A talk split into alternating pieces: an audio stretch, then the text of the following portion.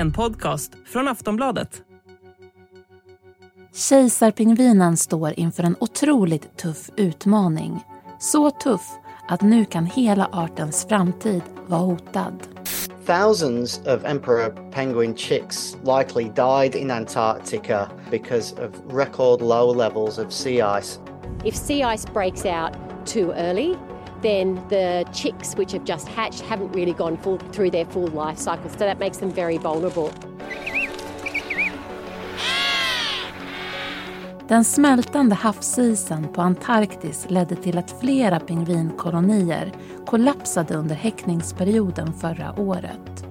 Pingvinungar dog då eftersom att de inte var redo för att klara sig i det kalla vattnet.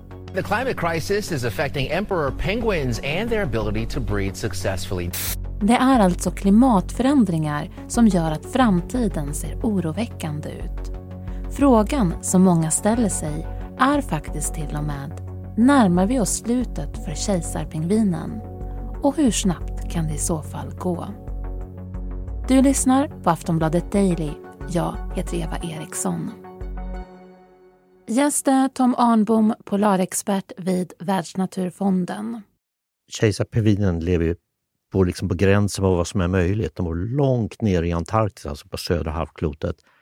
Långt in på isarna, precis intill där liksom kontinenten börjar. Det är havsisar där. De lägger sina ägg, eller sagt, de får sina ungar på isen. Och det som har hänt nu är att havsisen smälter och ungarna ramlar i vattnet och dör. Hur kan man ha koll på sånt här? Ja, det, här, det är ju sådana extrema områden. Många av de här kolonierna har man aldrig varit vid. Men man har ändå koll på dem. Och hur gör man då? Jo, satellit. Satellitfoton. Så man kan alltså se ner på isen. Man kan inte se individerna, varje, men man kan se där det är tillräckligt eh, upply, upplöst så att säga, med pixlar så man kan se att här bor det pingviner, här kan man se deras bajs. Då blir det brunt på isen. Då har man räknat ut att så mycket brunt och så mycket pingviner som bor där. Och när eh, bajset försvinner, då finns inga pingviner där. Och då har man förstått att det är någonting som har hänt? Någonting som har hänt där. Man har även titt det finns även eh, flygfoton från en helikopter där man åkt in och kontrollerat, stämde det här med satellitbilderna? Och det gjorde det. Så det finns liksom en kontroll. Men det är ganska skrämmande och det handlar om fem stycken kolonier eh, som ligger i Bellinghausens området, som är alltså, om du har Sydamerika, går rakt söderut, kommer till Antarktiska halvön, det på västsidan mot, mot Stilla havet. Långt in i havsisen där inte ens båtar kommer utan man måste helt enkelt flyga in för att komma dit.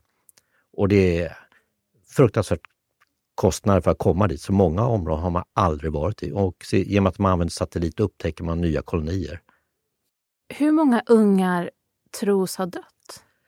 Ja, det här brittiska forskare de uppskattar minst 7000, kan vara upp till 10 000 ungar som har dött i, alltså i, eh, för ett år sedan nästan, knappt ett år sedan. För det här hände runt november, december 2022 för man har inga data från i år. Men jag har tittat faktiskt på isdata nu och det är värre i år än vad det var förra året. Tyvärr, redan nu. Vi ska prata lite grann om framtidsutsikter och så, men eh, på vilket sätt är kejsarpingviner beroende av havsis för att häcka? Jo, det, det här är en, den är lite udda den här pingvinen. Den vill bo på isen för den är stabil normalt, man kan lita på den. Eh, längs med kusterna kan det ibland vara svårt att komma i land för det är sådana höga iskanter, alltså glaciärer som går ända fram, man kallar det shelf, så ända fram till kusten och då kan det vara 20-30 meter stup rakt ner. Och det kan ju pingvinen inte komma upp. Så de bor på de här stabila isarna. Och det, det är lätt att ta sig dit, man kan gå ut, de kan få gå 2-3 mil på isen, ibland ännu längre för att komma ut till havet och hämta mat. Men det är stabilt och tryggt. Kejsarpingvinen, vi måste ändå prata lite grann om den också. Vad är det för pingvin? Ja, det är ju en häftig fågel. Alltså. Det är en fågel som inte kan flyga. Den kan dyka och den simmar liksom under vatten, eller flyger under vattnet, ända ner till 500-600 meters djup. Och där nere hittar den till exempel bläckfisk, det är tiarmad bläckfiskar, den äter fisk, den kan äta liksom krill, alltså med räkor, äter allt möjligt där nere på de här djupen. Det är inte alltid alla dyker ner till 500 meter, men de ger sig ut och så samlar de på sig mat och så går de tillbaka oftast och föder ungen så att säga, eller ger den mat. Eh, och det här passar honan och hannen på.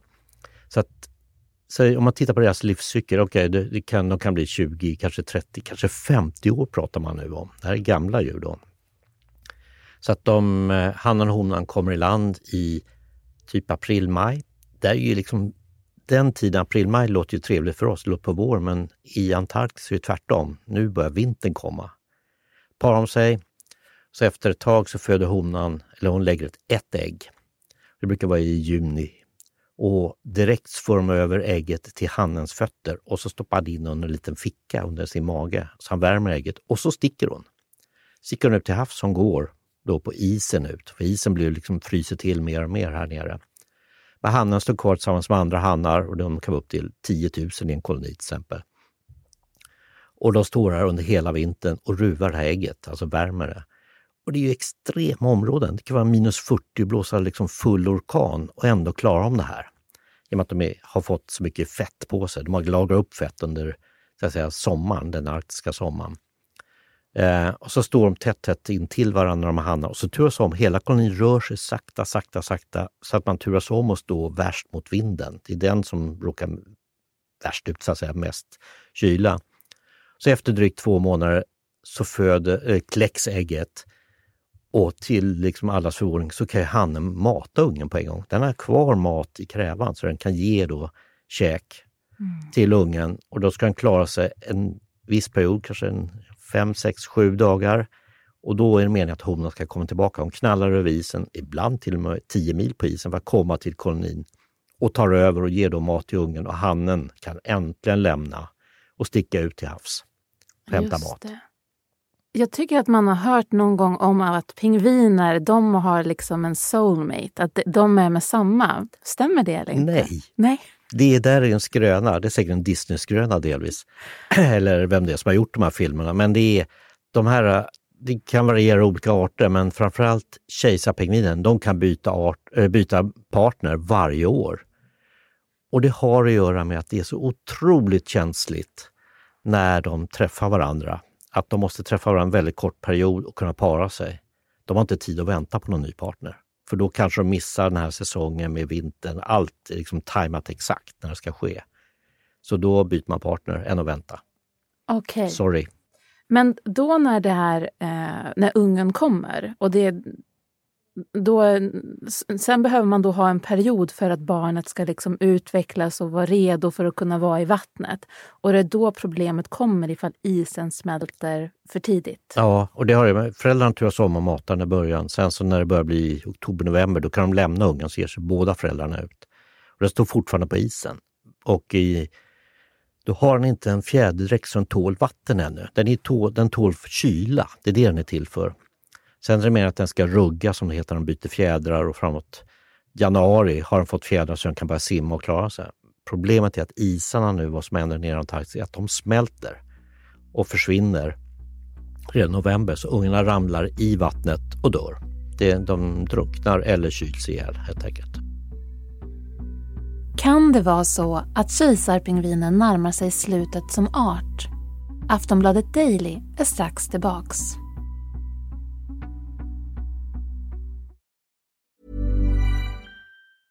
Normally, being a little extra might be a bit much, but not when it comes to healthcare. That's why United Healthcare's Health Protector Guard fixed indemnity insurance plans, underwritten by Golden Rule Insurance Company, supplement your primary plan so you manage out of pocket costs. Learn more at uh1.com. Hur, alltså hur allvarligt är det här för kejsarpingvinen, det som händer nu för att den ska finnas kvar som art? Ja, så, att, så det finns runt 600 000 eh, kejsarpingviner i världen i runt 66 kolonier. Det varierar lite grann. Eh, och framtidsutsikterna är, är hemskt men de är otroligt tråkiga. För man räknar med att eh, de kan i stort sett försvinna inom 70 år. Om isarna fortsätter i den takt som de smälter av. Det går ju fortare och fortare i Antarktis och man kan liksom inte förklara varför havsisen försvinner så mycket där nere. Eh, men det finns ju alltid hopp. Och jag tror på det här att det finns alltid några ställen som klarar sig. Till exempel att det ligger ett isberg i vägen, då kan det, eller vissa öar, då ligger havsisen kvar längre. Så den bryts inte sönder lika. Så det finns vissa ställen som kan finnas kvar. Och vi hoppas ju på att man i långa loppet kan vända de här klimatförändringarna som pågår till i alla fall stabilare och sen förhoppningsvis kunna återgå till normalt klimat. Men det kommer dröja hundratals år, om inte ännu längre. Alltså ibland kommer det ju de här rapporterna av att så här, nu är det problem för den här arten eller nu är det lite tufft. Och även om man liksom googlar, det kan vara flera år tillbaka, så står det så här, men nu är det lite tufft.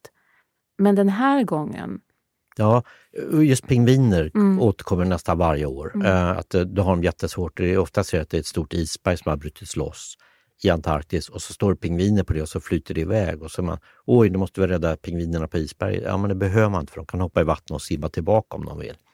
Så det, är inte, det här är en helt annan dimension för här försvinner deras miljö där de häckar på. Mm. Och de kan flytta sig till viss del. Det vet vi att de har gjort i andra kolonier lite längre söderut där det är kallare då.